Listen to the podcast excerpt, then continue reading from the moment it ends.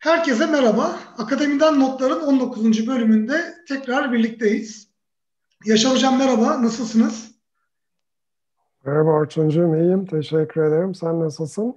Ben de iyiyim, çok teşekkür ediyorum. Hocam e, bu hafta akademik teşvik sistemleri üzerinde e, duracağız. E, bu konu aslında son zamanlarda da popüler konulardan biri. Özellikle basına yansıyan haberlerle beraber bir yandan hem tiye alındı aslında e, espri konusu oldu ama bir yandan da tabii üzücü e, gelişmeler olduğunda e, söyleyebiliriz. Aslında bizim akademiden notlarda bu konuyla ilgili e, bazı ön çalışmalarda yapmıştık.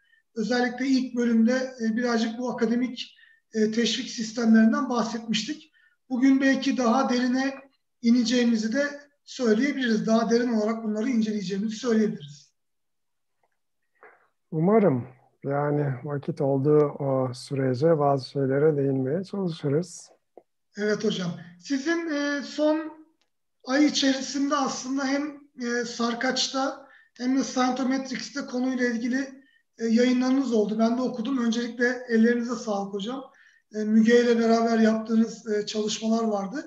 Bunların e, bağlantısını da e, zaten notlar kısmına ekleriz. E, merak eden e, izleyicilerimiz buradan e, bu konuyla ilgili yapılan çalışmalara da ulaşma şansına sahip e, olabilirler. Hocam sizle başlayalım. Yani genel olarak belki bir tarihçeyle mi nasıl bir e, yapı oluştu, bu teşvik sistemleri nasıl ortaya çıktı? Bununla başlayabiliriz belki. Olur. Ee, tabii olur. Um, Teşvik sistemlerinin aşağı yukarı 35-40 yıllık bir e, geçmişi var. Yani en azından akademik teşvik sistemleri için konuşuyorum bunu.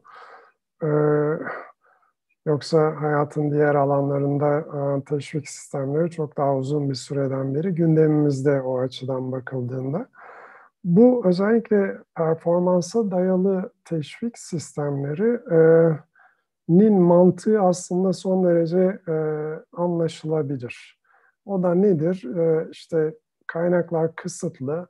Bu e, kısıtlı kaynakları eğer siz e, performansı daha yüksek olan kişilere, kurumlara, bölümlere aktarırsanız, e, performansı nispeten daha düşük olan kişiler, kurumlar da daha fazla kaynak alabilmek için daha çok çalışırlar diye bir e, bakış açısı söz konusu. Burada e, bir sıkıntı yok o açıdan bakıldığında. 1980'lerin ilk yarısından itibaren bu tür e, performansa dayalı akademik teşvik sistemleri kullanılmaya başlandı. Bunun en eski örneklerinden bir tanesi İngiltere'deki en son adı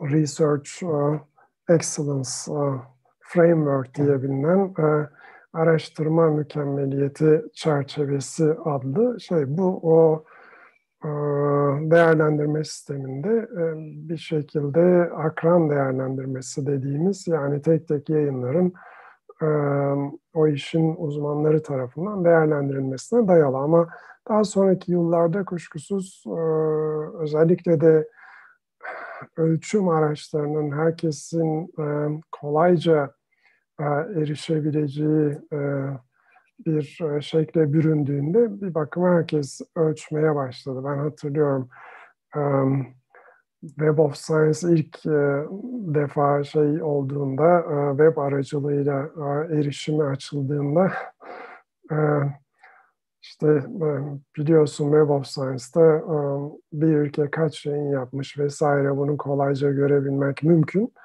Ama e, öte yandan şöyle bir şey oluyordu o yıllarda.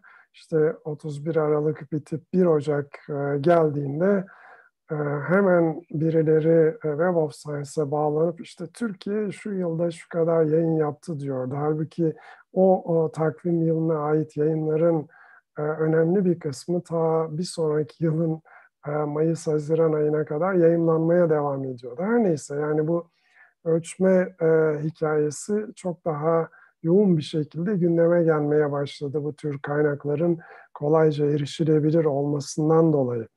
Aslında Biraz önce Research Excellence Framework'ten söz ettik. Bu o, akran değerlendirmesine dayanan bir e, e, sistem ama gelin görün ki e, bu demin sözünü ettiğim araçların kolayca erişilebilir olması e, giderek e, bu o ölçümleri daha mekanik, daha nicel e, hale e, soktu. Dolayısıyla e, pratik olduğu için, kolayca erişilebilir olduğu için, ucuz olduğu için pekala e, insanlar e, işte yayın sayısına, e, yayınların e, yayınlandığı dergilerin etki faktörüne vesaire gibi e, bir takım nicel ölçütler e, öne çıkmaya başladı. Hele hele 2000'li yıllardan sonra e, sıralama sistemleri işte sosyal ağlarda içinde değil şu anda. Yani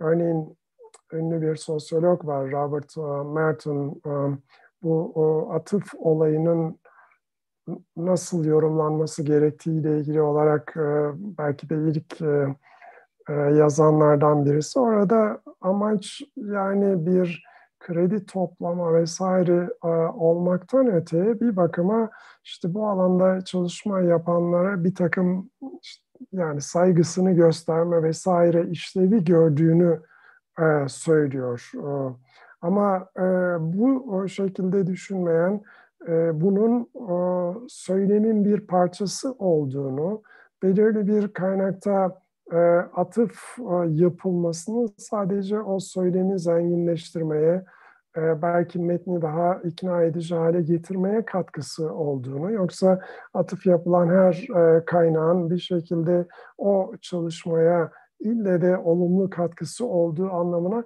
gelmediği yönünde böyle işin geriye tarihçesine gidilirse iki farklı görüş var.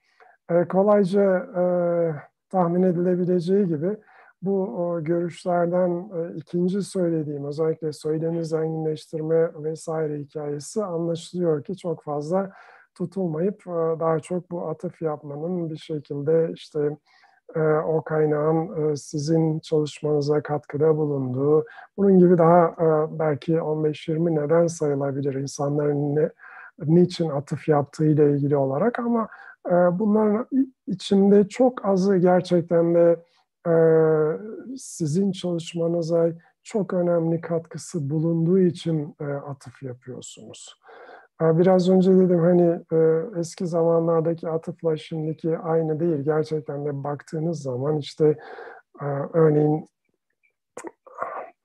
e, görelilik kuramı ile ilgili olarak Einstein'ın eleştirildiği konulardan bir tanesi o zaman bu konularda çalışan hiç kimseye atıf yapmaması vesaire ama gerçekten de o dönemde böyle bir anlayış çok fazla yoktu. Daha yenilerde örneğin 1940'larda 50'lerde baktığınız zaman Cahit Arf'ın e, çalışmalarına biz bakmıştık bir e, ara. En ünlü makalesinde sadece bir atıf var örneğin. Oysa şimdi e, öyle değil. Özellikle de bu demin sözünü ettiğim niceliğe dayalı, atıf sayılarına dayalı şeyler gündeme girdiğinde bu iş birazcık amiyane tabirle zıvanadan çıktı. Belki bu özellikle atıfa yönelik bir şeyi daha belirtmekte yarar var. Biraz önce Robert Merton'un görüşüne şey yaptık. E, özellikle de bu o, e, atıf dizinleri, citation indeksler ortaya çıktıktan sonra e, ki bunların da yaratıcısı Eugene Garfield'tır. Science Citation Index'in yayınlanmasıyla başlayan bir süreç. Aslında e, özgün amaç e, atıfın kişinin akademik e, mükemmeliyetini vesaire tanımlamak için kullanılması değil. Ee, Eugene Garfield'ın düşündüğü o zaman e, bir derginin etki faktörünü hesaplarken e, aslında kütüphanecilere koleksiyon geliştirme konusunda yardımcı olmak için bir e, rakam vermek. Yani şunu söylemeye çalışıyor. Ya bak işte A, B dergisi var diyelim ki belirli bir konuda Ama bakıyoruz ki ortalama olarak insanlar A dergisindeki makalelere daha çok atıf yapıyor.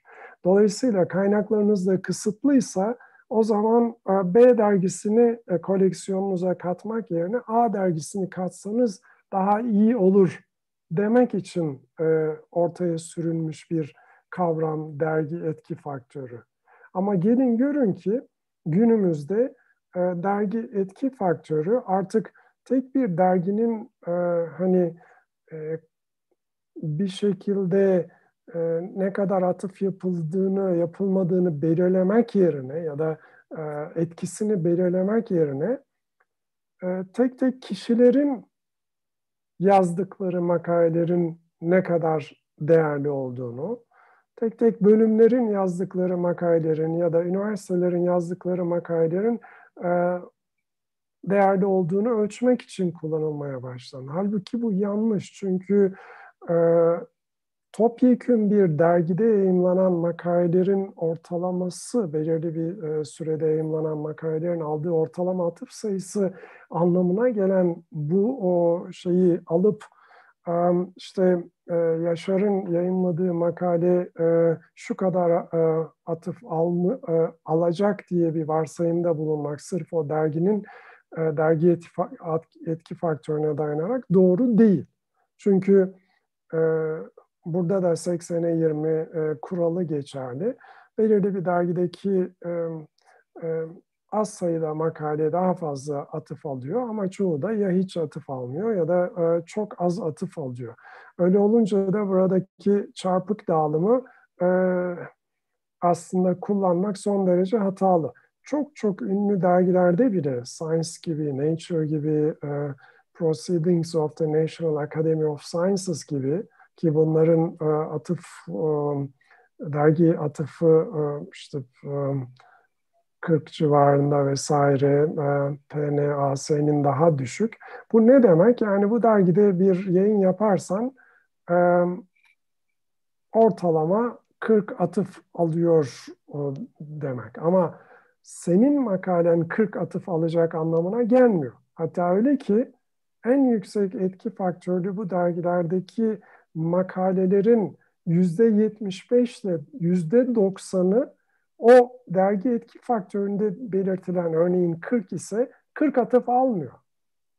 Dolayısıyla da o dergide atıf yapanların önemli bir kısmı e, dergiye mal edilen bu atıf etki faktörünü aslında kullanmış oluyor. Kendi e, yazdıkları makale o dergide o kadar atıf almamış olsa bile. Ee, belki de bu sistemin sürmesini sağlayan e, şeylerden bir tanesi de bu. Yani diyelim ki Science dergisinde e, yayın yapıyorsunuz ama e, kimsenin dikkatini çekmiyor. Fakat siz hala Science dergisinde yayın yapmış oluyorsunuz. Bireysel olarak e, makaleniz dergi etki faktörü kadar atıf almamış olsa bile. Maalesef bu tür yönler üzerinde belki de yani çoğunluğun e, bir şekilde yararlı olduğu için pek fazla sorgulama e, yapmıyoruz o açıdan bakıldığında. Bunun ötesinde sorgulanabilecek çok e, şey var aslında. Yani bu nicel değerlendirmelerin ne kadar sıklıkla yapıldığı, neyin değerlendirildiği vesaire gibi belki onlara da değinebiliriz. Hocam aslında buradaki yapıda belki sıkıntılı olan noktalardan bir tanesi de şu diyebiliriz.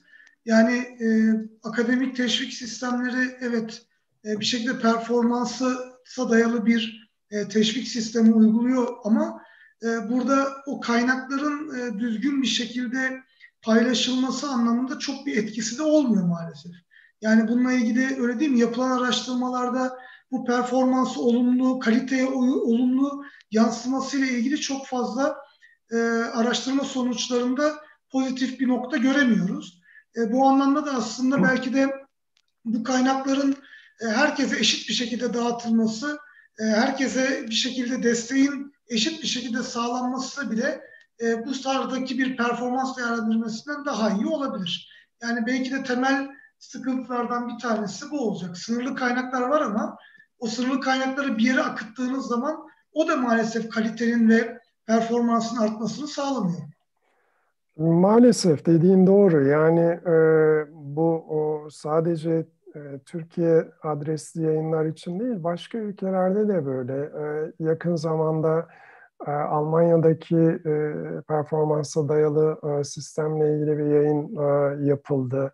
Avrupa Birliği ülkeleriyle ilgili yayınlar yapıldı. Tekrar tekrar e, yani e, bir şekilde bu o, e, nicel e, ölçevlerin kullanılmasıyla araştırmacıların verimliliğinin artması ya da yayınladıkları e, makalelerin e, etki değerinin artması arasında e, beklendiği gibi bir e, ilişki yok o açıdan bakıldığında.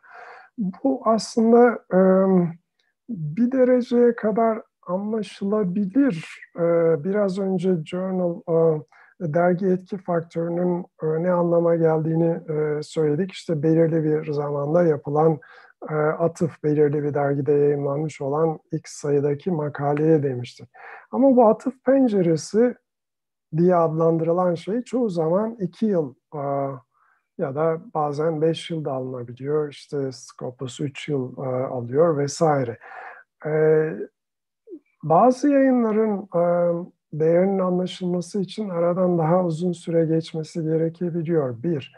İkincisi disiplinden disipline e, bu o, fark edebiliyor. Yani sosyal ve insani bilimlerde çok daha uzun bir süre gerekiyor bu o, e, makalelere atıp yapılabilmesi için. Artı sosyal ve insani bilimlerde e, başat, dominant e, yayın mecraı e, e, dergi makalesi değil, daha farklı e, şeyler, kitaplar vesaire e, gündeme gelebiliyor. Hocam olaylar da etkiliyor. Mesela Türkiye'de büyük depremlerin yaşandığı Gölcük depremi sırasında sonrasında Türkiye adresi yayınlarda çok ciddi bir e, atıf artışı olmuştu. Çünkü olayın gerçekleştiği yer coğrafyadan çıkan yayınlar bir, bir anda dünyadaki o alanda çalışan birçok kişi tarafından atıfta bulunuyor. Aslında burada o yayının kaliteli olması vesairesinden öte o andaki e, gelişmelerle ilgili de bir şekilde atıfa yansıyabiliyor bunlar. Evet yani artı bir de e, bu işin hani biraz önce İngiltere'deki Research Excellence Framework'ten e, söz ettik. Onlar bu işi 6-7 yılda bir yapıyor. Yani başlangıcından bu yana. Şimdi e, bunun bir nedeni var. Yani e, siz eğer her yıl örneğin bizde yapıldığı gibi işte akademik teşvik ödeneği ya da her yayın başına bunu yaptığınız zaman bunun bir takım e, tırnak içinde yan etkileri olmaya başlıyor. Öyle değil mi? Yani hangi e, doğru dürüst araştırma e, projesini siz bir yıl içerisinde gerçekleştirir ve bundan bir yayın çıkarabilirsiniz? Ama ölçme aracını bu sıklıkta yaparsanız o zaman insanlar bir şekilde bunun arkasından dolaşıp bunu yayına çevirmeye çalışıyor. Onun için işte biz e, ne bileyim e, hala mesela işte doçentlik kriterlerine uygun ya da akademik teşvik e, şeyine uygun bakıyorsunuz e, e, gün geçmiyor ki posta kutunuza bir şey düşüyor. İşte ne bileyim aralığın 15'inde gönderirseniz 30'una kadar size e, diyelim ki Belgrad'da yayınlanmış bir kitapta bir bölüm e, sözü verebiliyorlar. Sırf akademik teşvik e, olayını gerçekleştirebilmeniz için. Buradaki değerlendirme sıklıkları son derece önemli aslına bakılırsa. Mesela bizde kişilere veriliyor bu ama örneğin İngiltere'de o kişinin çalıştığı bölüme, aynı şekilde İtalya'da bu tür kişilerden çok bölümlere var. Ama kişilere var, verilen ülkeler de var. Örneğin İspanya'da tıpkı bizde olduğu gibi e, üniversite öğretim üyelerinin maaşlarına e, performansa göre bir e, şey ekliyor. Bizdeki akademik teşvik ödeneği de öyle ya. Fakat bu sadece akademik teşvik ödeneği de değil. E, 2000'lerin başında e, doçentlik yükseltme kriteri olarak indeksli yayın kriteri konmasından bu yana devam ediyor. Ama demin söylediğin şey çok e, önemli. Yani biz doçentlik kriteri olarak indeksli yayın koymamıza rağmen bu yayın sayılarını arttırdı mı? daha da önemlisi bu yayınların etki değerini arttırdı mı? Etki değeri ille de kalite anlamına gelmiyor ama çoğu zaman atıfla ölçüldüğü için bütün atıflarda pozitif sayıldığından e, dolayısıyla e, hatta kendine atıflar da dahil edildiğinden bu işe burada da gene ne bileyim çoğunluğu gözeten bir yaklaşım var ama en son işte Ufuk Akçiğit'in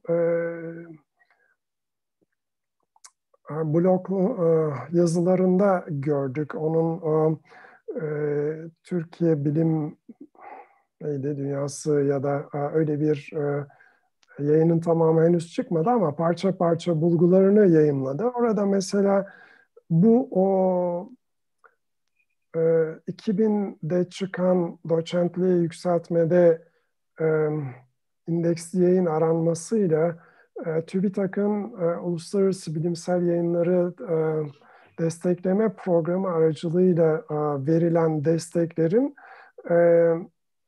aslında e, yayınların etki değerinin atma, artmasına herhangi bir katkısı olmadığını gösteren bir grafik e, var. E, e, regülasyonlar ve akademik yayınlar diye 24 Ağustos 2020'deki e, yayın, yazdığı blog yazısında.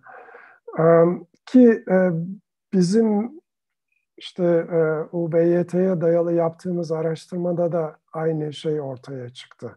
Hatta hatta e, Uluslararası Bilimsel Yayınları Teşvik Programı'nın Türkiye adresli yayınların e, sayısının artmasına bile katkısı olmuyor. Yani e, bir şekilde insanlar yayın yapıyor. Bunu ille de bir TÜBİTAK desteği almak için yapmıyorlar. Nitekim İstanbul Teknik Üniversitesi'nden bir ekonomist Tolga Yüret e, böyle bir araştırma yapıp yayınlamıştı Journal of Informatics'te. Acaba bu tür e, parasal desteklere araştırmacılar ne kadar itibar ediyor diye en azından onun kendi çalıştığı ekonomi alanındaki e, duruma baktığında bunlara pek fazla itibar etmedikleri şeklinde bir e, bulgusu o, olmuştu o yayınladığı makalede. Gerçekten de e, bizim yaptığımız araştırmada 2006 ile 2015 yılları arasında e, Web of Science'da dizinlenen Türkiye adresli e, yayınlara baktığımızda e, ve bunu bu yayınları e, TÜBİTAK desteği almış olanlar ve almamış olanlar diye karşılaştırdığımızda bu o almış olanların almamış olanların aldıkları atıf sayıları neredeyse birbiriyle aynı.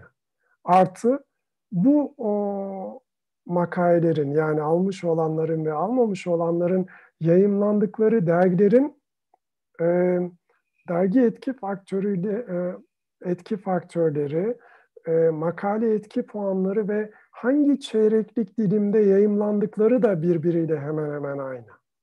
Bu da demek oluyor ki bir bakıma aslında bakılırsa e, UBYT desteğinin e, yayınların etki değerinin artmasında, daha fazla atıf almalarında herhangi bir etkisi olmamış anlamı çıkıyor. Ki nitekim e, daha e,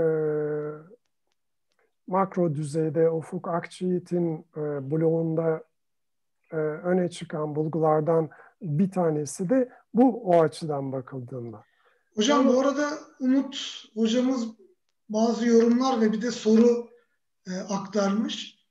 E, akademik teşvik olmalı ve olmamalı diyen iki farklı e, kesim var. Belki biz de açıklayabiliriz hangi kesimden olduğumuzu ya da neyi tercih ettiğimizi.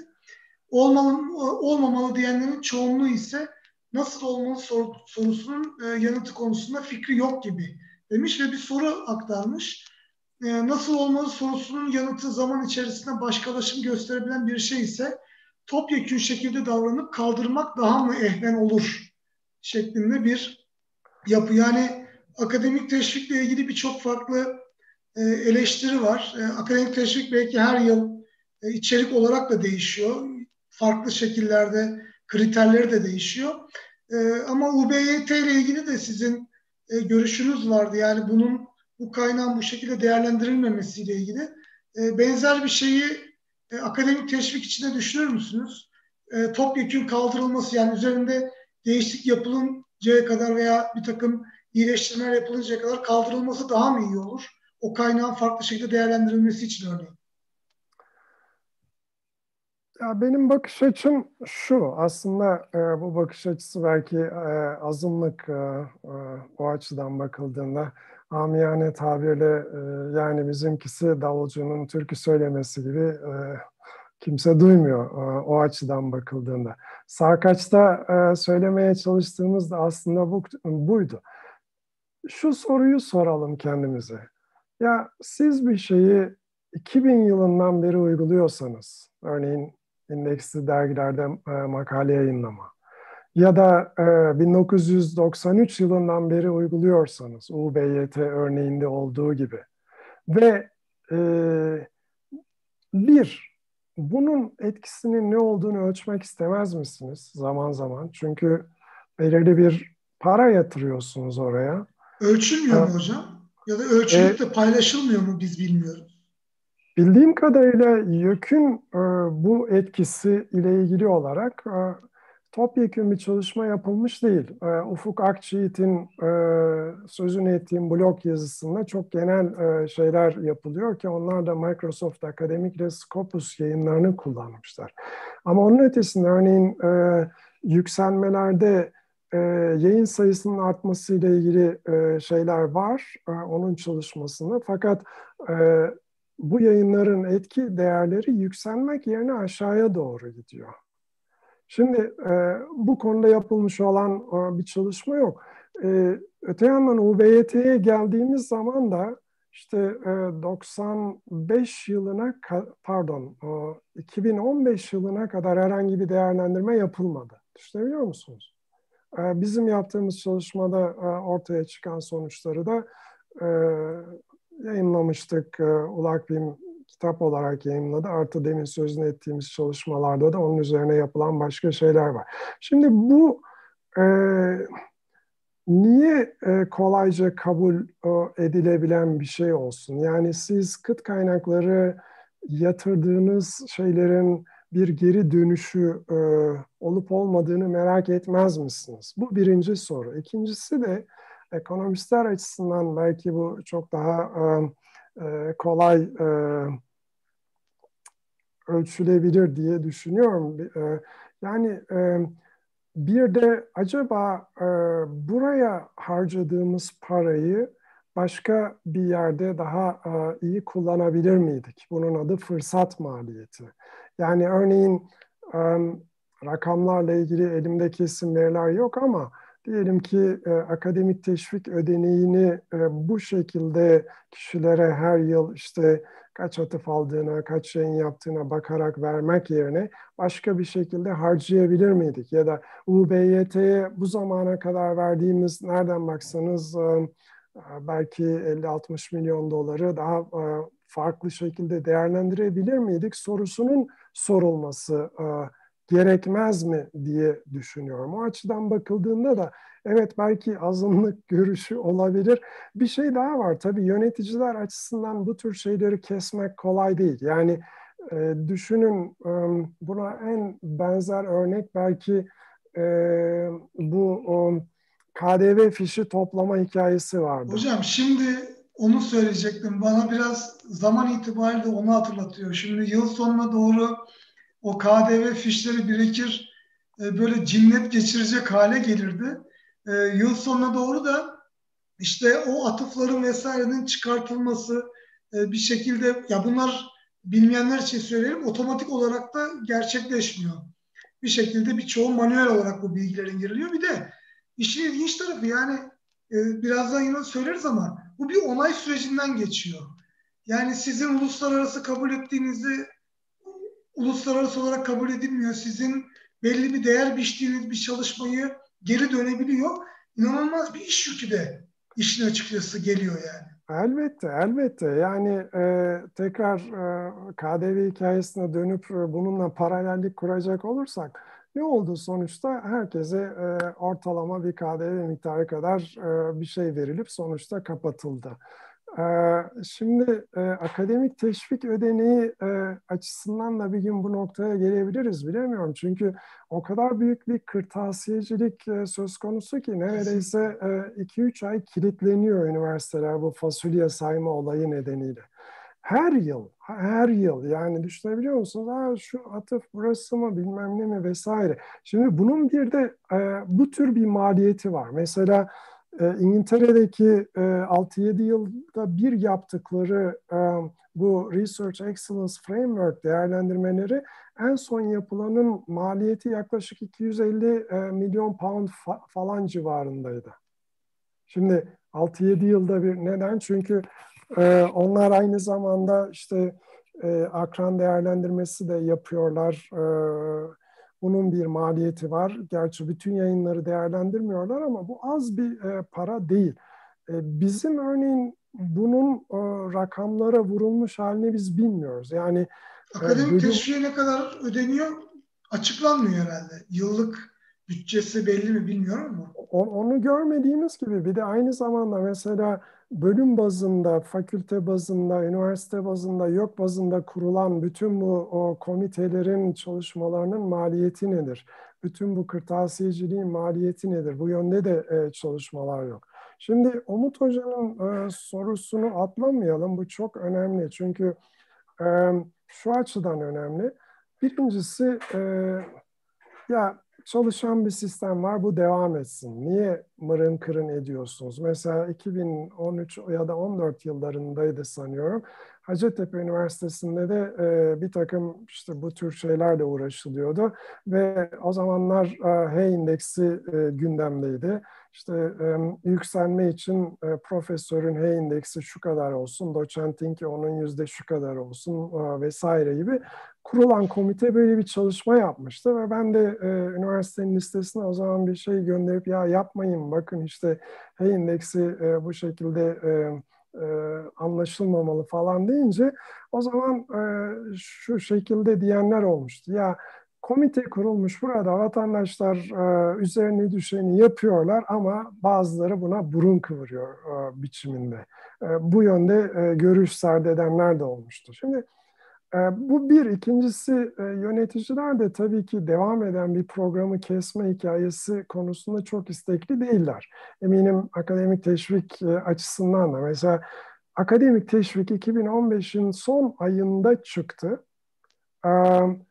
Aradan 5 sene daha geçmedi tam 4 kere değişti. Her Sen sene değişti. Her yani, sene değişti hocam. Neredeyse her sene değişti ve e, kriterler değişti, konular değişti. İşte e, TÜBİTAK'ın kullandığı dergi nihai puanı e, e, bir sene alındı fakat TÜBİTAK bu işten vazgeçince seneye başka bir şey koydular. De, dergi çeyreklikleri konuldu. Şimdi bu sana güven veriyor mu? Yani tam olarak ne yapıldığı konusunda güven veriyor mu? Ama e, elbette şu soru o, o çok haklı bir soru. E, peki yerine ne koyalım? Şimdi Umut Hoca'nın da e, parmak bastığı nokta bu. Yerine konulacak şeyi etraflıca e, düşünmek lazım. Üzerinde çalışmak lazım. Siz eğer 5 senede 4 kere değişiklik yapıyorsanız ve her biri hala e, saymaya yönelikse, bakın ben e, YÖK'ün e, bu o e, rekabetçi üniversiteler öyle bir şeyi var. Orada 50 küsur o şey var, e, kriter var. Saydığımda bunların 43 ya da 46 tanesi sayısı ya da oranı diye bitiyordu. Yani düşünebiliyor musunuz? 50 küsur şeyden yüzde 80-85'i saymaya yönelik, fasulye saymaya yönelik. Şimdi yani işte kaç doktor öğrencisi olduğundan tutun da kaç yayın yaptığına, e, hangi oranda olduğuna e, vesaire gibi. E, ama bu araştırma değerlendirme değil, bu performans değerlendirme değil. Hele hele bunu yayın başına yapıyorsan, kişi başına yapıyorsan yani diğer ülkelerde olduğu gibi belirli bir yıl boyunca belirli kaynak aktarma bölümlere ya da üniversitelere aktarma biçiminde değilse belki aslında o parayı kara deliğe atıyorsun bir bakıma. Hele hele biraz önce sözünü ettiğim araştırmacılar da buna herhangi bir hani ya işte para almak için yayın yapalım demiyorlarsa bu bu sefer e, belki birazdan üzerinde konuşuruz bir takım e, yan etkiler yaratmaya başlıyor tırnak içerisinde ve bunlar e, aslında ekosistemi e, topyekün bozuyor maalesef. Fakat soruyu yanıtlayalım ondan sonra buna geçelim. E, gönül ister ki bu tür nicel ölçümlerin nitel ölçümlerin yerini almadığı bir değerlendirme sistemi, performansa dayalı değerlendirme sistemi olsun.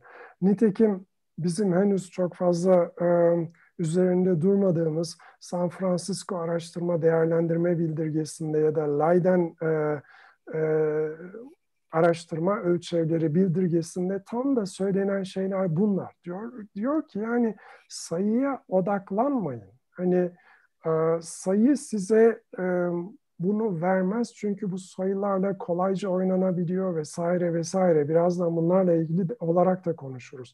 O zaman sizin yapmanız gereken örneğin akademik değerlendirmeyle e, ilgili diyelim ki bu e, doçentlik yükseltmeleriyle ilgili olarak e, diyeceksiniz ki ya e, bunu biz e, örneğin e, akran değerlendirmesine tabi tutalım. Ama bunu yaparken de akran değerlendirmesine yani e, bütün yayınları koymasına gerek yok. Desin ki işte e, sizin en güvendiğiniz beş yayını koyun buraya. Nitekim hani kendilerine üniversite diyen üniversitelerde de bu iş böyle yapılıyor. Ama siz bütün e, yayınları e, koyduğunuz zaman o dosyalara e, ayrılan zaman azaldığı için bakıyorsunuz e, sade suya tirit bir takım görüşler geliyor.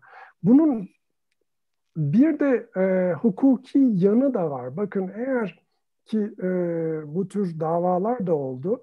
Diyelim ki e, kağıt üzerinde işte istenen sayıda indeksli dergide makale yaptıysa bir aday, doçentlik için başvurmuş olan. Ama siz akran değerlendirmesi yaparak aslında bu yayınların e, çok bir işe yaramadığını söylüyorsanız bir tane ve sarı zarf geliyor. ve reddediyorsanız e, arkasından aday sizi mahkemeye verdiğinde mahkeme de adayı haklı buluyor. Hocam ondan önce zaten e, siz çıkıyorsunuz üyelikten, o jüri üyeliğinden başkası geliyor zaten bu mahkeme sürecine uzamasın diye. Yani böyle örnekler de oluyor sonuçta. Yani şu anda zaten herhalde hani daha çok nitel değerlendirme ve akran değerlendirmesi yapalımdan daha kötü bir noktaya geldik eskiye göre. Özellikle doçentlikle ilgili herhalde öncekine göre şu anda zaten puanlar tuttuysa akran değerlendirmesinin çok bir önemi olmuyor. İşte aday dediğiniz gibi mahkemeye verebilir. Farklı görüşler olduğu için zaten siz eğer kötü bir e, rapor verdiyseniz sizi e, üyelikten çıkartıp yeni bir üye atayıp e, çalışma devam ediyor yani. Ben yıllar önce yazdığım bir yazıda o, o şimdi hatırlamıyorum ama e, hukuki bir dergide ya da maliye dergisinde bununla ilgili bir yazı çıkmıştı. Onun referansını da belki verebiliriz. Yani siz öyle olursa o zaman ne yapacaksınız? Yani çünkü e, Türkiye'deki hukuki sistemin işleyişiyle ilgili de bir durum e, var burada.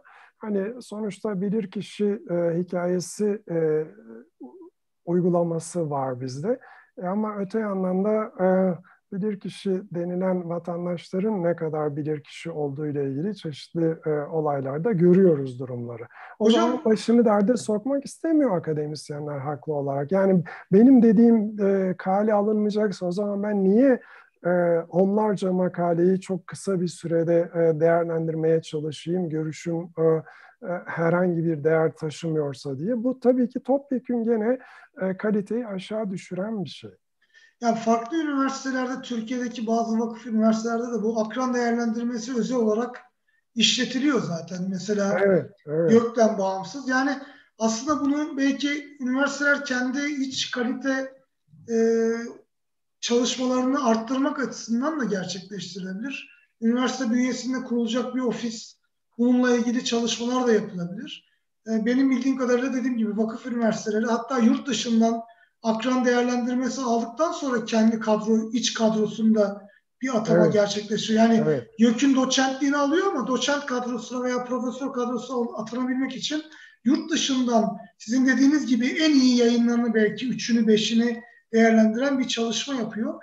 Yani bunu biz merkezi olarak gerçekleştiremiyorsak belki e, bu akademik teşvik herkese eşit bir şekilde paylaştırılsın ama üniversiteler kendi e, kalite kontrollerini, kendi şeylerini daha nitel ve akran değerlendirmesine dönük olarak yapsın. Yani bu aslında sorunun cevabı bu olmaz mı? E, buradaki inisiyatifin üniversite yönetimlerinin alması ve bir şekilde hani kendi iç kalite yapılarını daha iyi bir noktaya getirmeleri iyi bir çözüm olmaz mı hocam?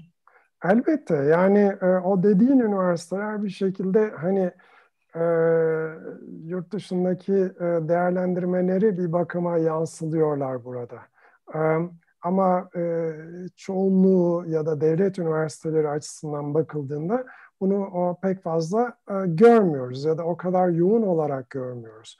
Öyle olunca da e, iş bir takım çek atılmasına bakıyor. Şu, yayını var mı şu kadar? Var. İşte puanı şu mu? Şu vesaire gibisinden. Öyle olunca da bu iş giderek mekanikleşiyor. Yani eminim hani geriye dönük bir çalışma yapılsa bu o şeyin e, Türkiye hani maddi manevi maliyetiyle ilgili olarak çok ilginç sonuçlar ortaya çıkabilir. Çünkü biraz önce sözünü ettiğim bu ekosistemi bozma hikayesi YÖK'ün bile e, zımni olarak kabul ettiği bir akademik yozlaşmayı da beraber getiriyor. Yani um, sence tesadüf mü Türkiye'nin e, şu anda e, işte yüzlerce e, makale yazma hem de e, yayınlama garantisi veren makale yazma şirketini barındırması? Sence tesadüf mü Türkiye'nin işte dünyada e, yağmacı dergilerde en fazla yayın yapan üçüncü ülke olması? Şimdi bunların hiçbiri tesadüf değil ama biz bir bakıma bu ortamı akademik e, teşvik yönergesi vesaireyle kendimiz yaratıyoruz. Yılda bir e, bu işi fasulye sayma düzeyine indirgediğimiz için aslında tam da e, tersi sonuçlar veren bir uygulamaya gitmiş oluyoruz. Daha geçenlerde işte e, dolandırılan, 1 milyon lira dolandırılan e, akademisyenlerle ilgili bir e, haber vardı hatırlarsın. E, niye? Çünkü hani burada vatandaş e, o kriteri sağlamaya çalışıyor. Yoksa bilime katkı sağlamaya, işte e, sorunlara çözüm bulmaya e, değil muhtemelen. Aslında hocam burada iki dolandırıcı var. Yani akademisyenleri dolandıranlar ve o çalışmaları yapan akademisyenler. Yani onlar da işte devleti veya kendi kurumunu bir anlamda dolandırıyorlar diye aslında düşünebiliriz. Ya yani burada belki de orada bir mağduriyet haberlerde bir mağduriyet gibi e, çıkıyor ama orada esas e, suçluyu aramak isteseniz oradaki e, parasını kaptıranların belki de suçlu olduğunu söylemek e, daha doğru olacaktır yani. Ama sürpriz değil yani e, mesela e, Güney Afrika Cumhuriyeti'nde de böyle bir şey yapıldığında bakılıyor ki e, diyelim ki o ülkede yağmacı dergilerde e, yayın yapanların e, sayısı oranı örneğin bir Amerika'dakinin ya da Brezilya'dakinin beş katı. Hatta yayın sayısı iki kat artıyor ama yağmacı dergilerde yayın yapma sayısı 140 kat artıyor. Hani biraz önce e, aslında e, ödüllendirmek istediğin şeylerin altını oyan politikalar e, yaratmış oluyorsun derken kastettiğim bu. Türkiye'de de gözlenen şey bu aslına bakılırsa. Yani literatürde yayınlanan bir makalede belki birazcık kaba olacak ama rantiye akademisyenler, Academicians as Rent Seekers diye bir e, makale yayınlanmıştı. Belki de davranışı e, akademisyenlerin bu o, teşvik mekanizmalarına davranışını e, en iyi açıklayan kuramlardan birisi olabilir bu e, rant arama kuramı. Nedir rant arama kuramı? Sonuçta e, herhangi bir artı değer katmaksızın, yeni bir e, servet yaratmaksızın mevcut servetten payınızı arttırmaya çalışma. Şimdi bu o, ekonominin bir dalı kuşkusuz. Ben e, araştırdığımda baktım Türkiye'de yapılmış yeni çalışmalar yok ama mesela 1960'larda yapılmış bir çalışmada bu rant arama e, kuramının Türkiye'ye e, gayri safi milli hasılasının yaklaşık yüzde on beşine mal olduğu ortaya çıkmış. Yani siz yeni bir değer yaratmıyorsunuz ama mevcut değerden e, payınızı artırmaya çalışıyorsunuz. Şimdi biraz önce sözünü ettiğim Rantiye Akademisyenler makalesinde de bu yönde e, bulgular var e, bir bakıma. Neden derseniz sonuçta siz ne yapıyorsunuz? İşte fasulye sayarak vesaire e, belki hani e, çığır açıcı bir çalışma yapmıyorsunuz ama bir şekilde e, mevcut e, havuzdan aldığınız payı artırmaya çalışıyorsunuz. Bunu o, bir dereceye kadar anlamak da mümkün çünkü özellikle akademisyenlerin e, e, geçim güçlüğü çektiği ya da daha az e, e, para aldığı ülkelerde bu tür e, mekanizmaların daha çekici hale geldiği e, görülüyor. Hocam aynı şey aslında sadece akademik teşvikle ilgili değil. Mesela bu dersler, ek derslerle ilgili işte yüksek lisans doktora öğrencileriyle ilgili vesaireyle ilgili de durum aynı şekilde var. Yani bu benzer sıkıntıları orada da görüyoruz. İşte ikinci öğretimler açılıyor aynı kadroyla. İşte inanılmaz bir ders yükü var. Hani haftada verebileceği e, belki de maksimum ders sayısı e, burada e, devreye giriyor. Yani bunlar ciddi sıkıntılar. Bu arada Gülden Çavdar da şöyle bir şey eklemiş.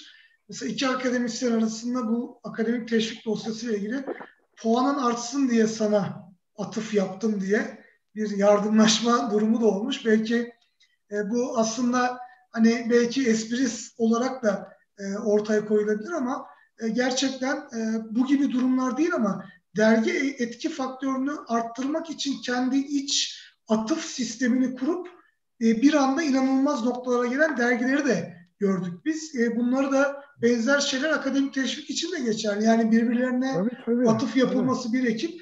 E, Umut Hoca da şöyle bir şey eklemiş hatta. E, bir devlet üniversitesindeki rektör bir bölümün tüm akademik çalışanlarının 100 puan aldığını görse ne düşünür acaba diye düşünmüş. Yani bu tip durumlar var tabii e, söz konusu.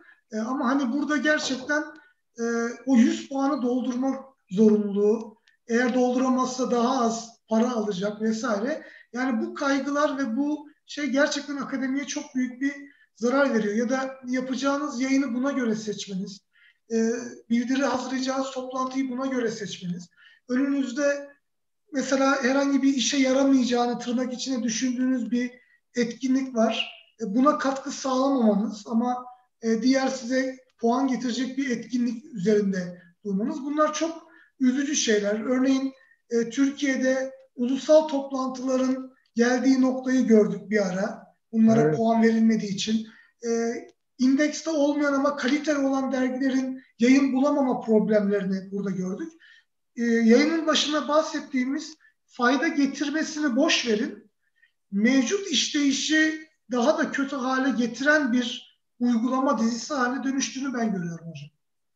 Yani benim biraz önce fırsat maliyeti dediğim şey tam da bu aslına bakılırsa. Örneğin demin sözünü ettiğin ek ders hikayesi bu kadar e, yüceltilmese, e, bu o, zaman araştırma yapmak için kullanılmış olsa acaba hala aradan bu kadar süre geçtikten sonra Türkiye'nin yayınladığı e, makalelerin etki değerleri şimdiki gibi aşağıya mı gidiyor olurdu? Yani bunun e, kesin bir cevabını elbette vermek mümkün değil ama en azından e, bu tür uygulamaları olmayan ülkelerdeki duruma bakarak bir e, çıkarımda bulunabiliriz. Aynı şey performansa dayalı işte akademik teşvik yönergesi vesaire açısından da söz konusu. Bu e, yani biraz önce Umut Hoca'nın dediği e, şey e, yöneticilerde şöyle bir şey de uyanıyor. Bununla ilgili olarak yıllar önce e, yapılmış olan bir e, çalışmaya referans vermiştik biz Sarkaç'taki e, yazımızda. E, siz e, niceliği ölçüyorsunuz ama niteliğin değişmesini umut ediyorsunuz. Dolayısıyla da biraz önceki rektör herhalde havalara uçardı. Neden? Çünkü e, bir defa şöyle bir his de veriyor. Ya biz sonuçta herkesin kullandığı diyelim ki dergi etki faktörünü kullandık, atıf sayısını kullandık vesaire. Dolayısıyla Ahmet'i de böyle ölçtüm, Ayşe'yi de böyle ölçtüm. Antropoloji bölümünü de böyle ölçtüm, moleküler biyoloji bölümünü de böyle ölçtüm. Burada adaletsizlik yok ki. Herkese eşit davranıyoruz gibi bir e, yanılsama içinde olabiliyorlar aynı zamanda. Ama bu doğru değil. Yani e, işte nereden baksanız çeyrek asırdır biz diyelim ki niceliği ölçüyoruz ama nitelik artmıyor. Peki nereye kadar? Nereye kadar devam edecek bu? Yani e, bunu devam ettirmek belki de çoğu akademisyenin işine gelebilir. Ama biraz önce e, referans verdiğimiz bu rant arama kuramı açısından bakıldığında buna bir dur denilmesi gerekmiyor mu? Evet benim atıf yaptığım Türkiye ekonomisiyle ilgili çalışma çok eski. Baktım yenilerde yapılmış bu tür e, rant arama kuramı ile ilgili Türkiye'de ne kadar yaygın bir şey bulamadım. Ama alın bunu akademiyaya uygulayın. Yani akademiyada yeni değer yaratmadan e, mevcut değeri paylaşmaya çalışmanın bize kaybettirdiği ne kadardır acaba? Yüzde on beş bile olsa az bir şey değil. Artı daha da önemlisi bu o akademik yozlaşma açısından bizi son derece kötü noktalara götürüyor. Yani bilim yapmanın bu olduğunu düşünen bir sürü e, öğretim elemanı e, yetişiyor üniversitelerde. Ve onların yapmaya çalıştığı da çoğunlukla işte adı uluslararası olan ama kendisi ulusal olan yayınlar yapmak e, özgeçmişlerini şişirmeye çalışmak yayın sayısıyla vesaire. Ama bilim böyle yapılmıyor. İyi bilim böyle yapılmıyor. İyi bilim böyle de ölçülmüyor o açıdan bakıldığında. Dolayısıyla buna cevaz verecek, buna izin verecek şeylerden bir an önce vazgeçilmesi gerekiyor. Ama biz bile bile lades diyoruz bir bakıma. İş o raddeye geliyor ki herhalde e, gerçi aslında e, Çin'i artık suçlayamayız. Çünkü Çin de bu işten vazgeçti e, ve e, bu tür e, indeksli dergilerde yapılan yayınlara doğrudan para e, ödenmesini yasakladı iki sene önce ve yeni bir politika geliştiriliyor e, orada. Hem e, niteliği ölçmeye hem de Çin içerisinde yapılan çalışmaları e, da değerlendirecek bir ölçüm sistemi getirmeye çalışıyorlar. Dolayısıyla Türkiye'nin de aslında bu hesaplaşmayı yapması gerekiyor bir bakıma. E, birçok ülkede demin sözünü ettiğim bu atıf çiftlikleri kuruluyor. Yani sen benim sırtımı kaşı, ben de senin sırtını kaşıyım diye Doğu Avrupa ülkelerinde de yaygın. Biz aslında çok daha yaratıcıyız. Bu işler başlamadan önce böyle bir dergiyi havalara çıkardık. Energy Education Science and Technology. Umut hocalar bu konuda yayın yapmışlardı. Dolayısıyla bunları bile bile hareket ediyoruz. Bir de öte yandan şöyle bir endişe de duymalı mıyız diye son zamanlarda ben düşünüyorum. Yani Çin'de biliyorsun bir sosyal kredi sistemi var. İşte ne bileyim ben yere tükürürsem puanın azalıyor falan filan. E, Bununla ilgili bir de dizi vardı hocam. Yani orada da e, sosyal puanına göre bir takım hakların oluyor ve ona göre bir şeyler yapabiliyorsun vesaire. Ama gerçek oldu Çin'de dediğiniz gibi böyle bir sistem hayata geçirildi. İşte e, kredi başvurularınızda e, ikinci sınıf vatandaş oluyorsunuz ya da hızlı trenlere binmeniz kısıtlanıyor falan. Şimdi e, yakın zamanda okuduğum Eylül ayıydı sanıyorum. Orada e, şöyle bir şey de e, ortaya çıkmış. Öğrencilerin e, yüksek lisans doktora tezlerinde e, intihal, kopya çekmelerini önlemek amacıyla bu o, yönde de bir e, şey e, sosyal kredi sisteminden puan düşülmesi söz konusuymuş. Naming and shaming dedikleri işte e, ne bileyim metroda adınızı gösteriyorlar bu vatandaş e, kopya çekti vesaire falan filan e, gibisinden. E, bu o, belki gülerek konuşuyoruz ama bizi aslına bakılırsa bu tür otomatiğe bağlanmış ölçümlerin nereye götüreceğini de e, gösteriyor bir bakıma.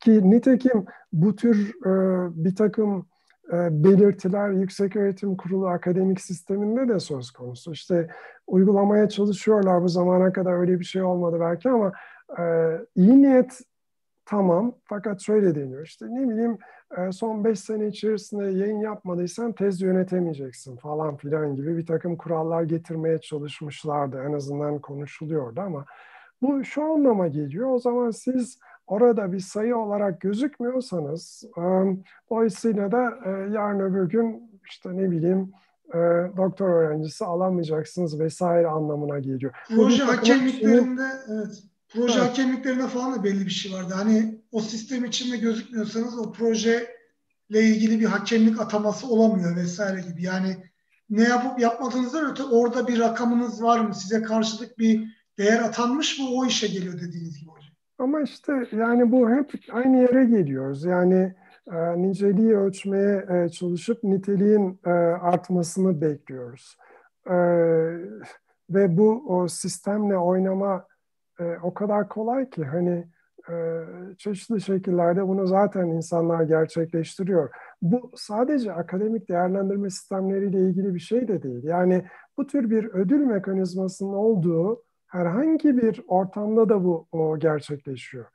Eğitim olsun, polis olsun, ordu olsun, hastaneler olsun vesaire vesaire. Yani e, yapılan çalışmalarda bu o, sayıların diktatörlüğü e, kitabında vardı mesela. İşte hastanelerin ölçütlerinden bir tanesi de nedir? E, e, acile gelenlere belirli süre içerisinde e, müdahalede bulunmak.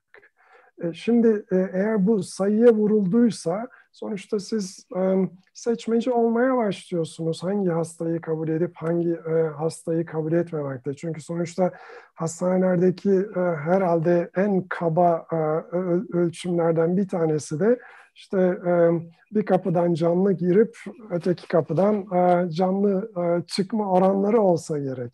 O Hocam, açıdan bakın pardon. Yani buyur. pardon siz devam edin.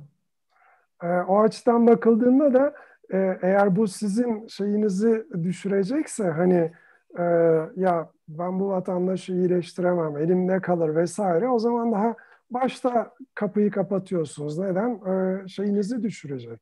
E, bireysel bazda doktorlar için de aynı şey söz konusu. Yani değerlendirme açısından siz bu vatandaşın hangi e, oranda işte hasta olanlara sağlıklı e, teşhisi koyduğunu ya da sağlıklı olanlara hasta teşhisi koyduğunu e, aktan değerlendirmesine dayalı olarak ölçmüyorsanız o zaman sadece işte bugün e, klinikte şu kadar kişi baktığıma e, indirgenmiş oluyor. Kim kazanıyor bundan? Hocam rötar sayılarına bakılıp mesela Anadolu Jet'i ayırıyor. Uluslararası alanda Anadolu Jet'in yaptıkları Türk Hava Yolları'ndan sayılmıyor mesela. Böyle bir e, değerlendirme şeyinin arkasından dolaşmak oluyor. İlginç bir e, anımı da anlatayım. E, eskiden biz kazıya giderdik. kazıda ne kadar çok parça bulduğunuz ve onun parçaların birbirine ne kadar uyumlu olduğu önemlidir. çömlek parçaları buluyorsunuz. İşte birisi 10 tane parça birleştirmiş, biri 15 tane parça birleştirmiş. Çok iyi bir şey tabii. 15 farklı parçayı birleştirebilmek, onları topraktan çıkartmak.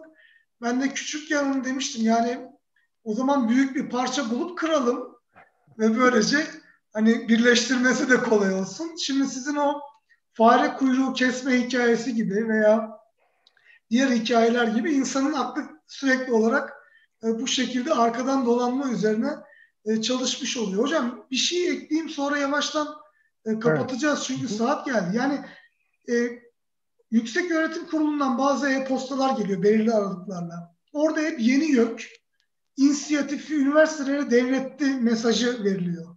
Belki de bu akademik teşvik veya benzeri çalışmalarda yurt dışındaki örneklerde olduğu gibi bu eldeki fonun, eldeki kaynağın paylaşımını da üniversitelere devredebilirler. Siz bahsetmiştiniz yanlış hatırlamıyorsam.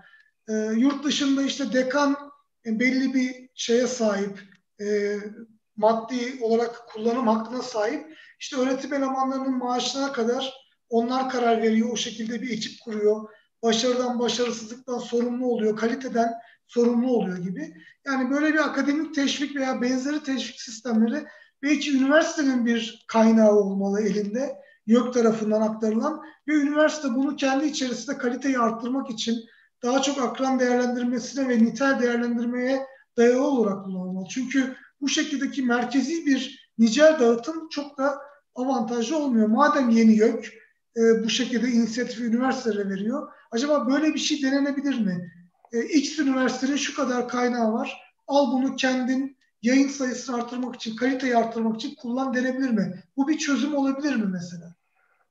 Yani e, bizdeki en önemli korkulardan biri e, o zaman acaba daha mı kötü olur? E, bu kayırma, nepotizm vesaire hikayeleri daha mı ayyuka çıkar biçimde? Böyle bir e, hani e, şunu um, içselleştirmek gerekiyor herhalde özellikle e, e, üniversiteler açısından bakıldığında ki bu aslında bakılırsa diğer sektörler için de söz konusu. Ee, mesela ekonomide işte diyelim ki bir şirketin batmasına izin vermiyorsanız aslında e, olayların gidişatına e, herkesin zararına müdahale etmiş oluyorsunuz. O şirketi kurtararak vesaire. Covid-19'un yaşandığı bir zamanda e, belki bunu konuşmak biraz daha şey ama şimdi üniversiteler açısından da aynı durum. Siz üniversiteleri doğru dürüst değerlendirmeye tabi tutup örneğin e, işe yaramayanları ayıklama mekanizmasını kurabilseniz o zaman bu dediğim işler o zaman kimse kalkıp da e, ne bileyim eşini bilmem ne e, dekanı yapmak e, gibi bir işe girişmez eğer o kişi e, bunu hak etmiyorsa ki hak etse bile e, ayrı bir olay. Ama böyle bir hani e, hak verildiğinde böyle bir yetki devri yapıldığında da biz e, sanki e, bunu gerçekleştiremezmişiz gibi bir e, izlenim var. Oysa biraz önce sözünü ettiğim diyelim ki vakıf üniversitelerinde bu de, bir dereceye kadar gerçekleştirilebiliyor. En azından e, e, devamlı kadroya, doçentlik kadrosuna atanma söz konusu olduğunda uluslararası değerlendirme de bunun bir parçası yapılarak. E, ben e, YÖK'ün o kadar... E, hani e, köktenci bir yeni yok olabileceği e, kanısında e, değilim. E, yanılmayı çok isterim ama e, daha çok e, yol almamız gerekir gibi gözüküyor bana. E, umalım ki hani e, her şeyden önce bu o, özellikle de zaten bu zamana kadar bizim istediğimiz sonucu vermemiş performansa dayalı yönetim sistemlerini topyekun bir sorgulamaya tabi tutalım ülke olarak. Yani e, bile bile aynı şeyleri yapmaya devam etme Einstein'ın bir sözü vardır. Yani e, niye yapıyoruz? Eğer bunun biz bir katkısını görmüyorsak artı fırsat maliyeti belki de e, bundan çok daha büyükse niye yapmaya devam ediyoruz? Siz buna başlarsınız e, e, uygulamaya yavaş yavaş hani bu ille de şu uygulamaya geçilecek geçtik diye yabancıların e, soğuk hindi dedikleri yaklaşım biçiminde olması gerekmiyor. Ama bu yönde ben bir işaret göremiyorum. Çünkü herkes büyülenmiş durumda bu e, işte e, akademik ölçevlerin e, doğru şeyi ölçtükleri konusunda herkese adil davranıldığı konusunda bir e, uzlaşma var, bir konsensüs var sanki akademiyada. Aksi yönde şeyler söylediğin zaman e, biraz önce sözünü ettiğimiz gibi yani e, çıkıntılık yapmış oluyorsun bir bakıma. Hocam Bahar e, Biçen son zamanlarda bu atıfla ilgili hani kendi kendine birbirlerine atıf atarak e, yapılan çalışmaları sıklıkla gördüğünü belirtiyor. Maalesef e, bu şekildeki değerlendirme yapısı içinde bunlar var. Coşkun Polat da eğer e, yetki üniversitelere devredilirse e, burada hani üniversitenin yönetimine yakın olan e, kişiler haricinde hiç kimsenin yaşama şansı olmaz demiş. Coşkun Hoca da e, böyle bir e, şey de varmış. Yani bunlar üzücü tabii. Hep hepimizin aklına geliyor bu şekilde olabileceği ama keşke hani e, bunlar haricinde bir e, çözüm üretilebilse. Hocam sonuç itibariyle akademik teşvik UBYT vesaire gibi programların tamamı şu an için Türkiye'de devre dışı bırakılsa ve bu kaynaklar farklı şekilde değerlendirirse, ortak yani herkese eşit şekilde dağıtılsa veya bir takım farklı e, mesela proje, ARGE vesaire gibi e, konularda destekleme olsa sizce daha mı iyi olur? Yoksa mevcut yapı üzerinde bir takım değişiklikler yaparak oyuna boz şeklinde sonuca ulaşmak mümkün olur mu? Ben şunu ben şunu söyleyebilirim. Siz eğer bir şeyi e, çeyrek asırdır yapıyorsanız ve bunun e, yararını görmediyseniz bireysel olarak düşün. Aynı şeyi yapmaya devam eder misin? Yani ne bileyim bir yatırım düşün, bir başka şey düşün. Ona zamanını harcamaya, kaynaklarını harcamaya devam eder misin? Ben hocam 15 senedir doktorası devam eden bir insan için kötü bir soru. Ee, benim e, kişisel görüşüm hani e, madem ki bu kadar sabırlısınız, çeyrek asır bu işi yapıyorsunuz, bir deneyin o zaman diğerini. En azından başka ülkelerde elde edilmiş sonuçlar da sizin sonuçlarınızı gösteriyorsa o zaman bir görelim bakalım. Yani bu üretkenlik açısından işte rantiye akademisyenlik açısından vesaire bunlara bir çözüm bulabiliyor muyuz? Ama her şeyden önemlisi de bu iradenin olması lazım. Yani ben işte Türkiye'de parayla makale yazan, parayla şu olan e, ekosistemi e, kabul etmiyorum diyebilmek lazım. Siz bunu akademik teşvik yönergesi uygulayarak diyemezsiniz. Siz bunu işte başka tür e, özendirici bir takım şeyleri mikro bazda, üniversite bazında yaparak diyemezsiniz. Öncelikle bunun adını koymak gerekiyor.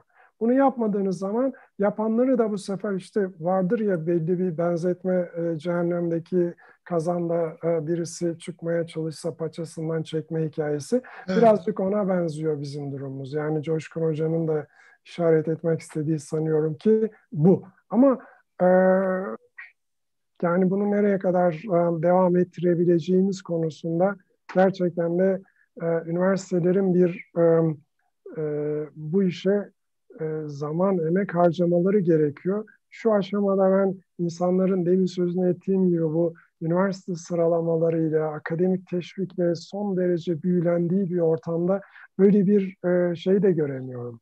Yani biraz karamsar bir kapanış olacak ama e, böyle bir ortam da göremiyorum. Gökten bağımsız olarak göremiyorum. Çünkü bu işi yarışa bindirdiğiniz zaman istediğiniz şeyi ölçmeye başlıyorsunuz. Bunun örneklerini daha önce de vermiştim. Yani toplam 6 vakıf üniversitesi olan yerde diyorsunuz ki ya işte 10 yaşından daha genç olan üniversiteler arasında ben şu sıradayım. Bakıyorsunuz zaten 5. sıradasınız ama 6 tane üniversite var topu topu 10 yaşından genç olan.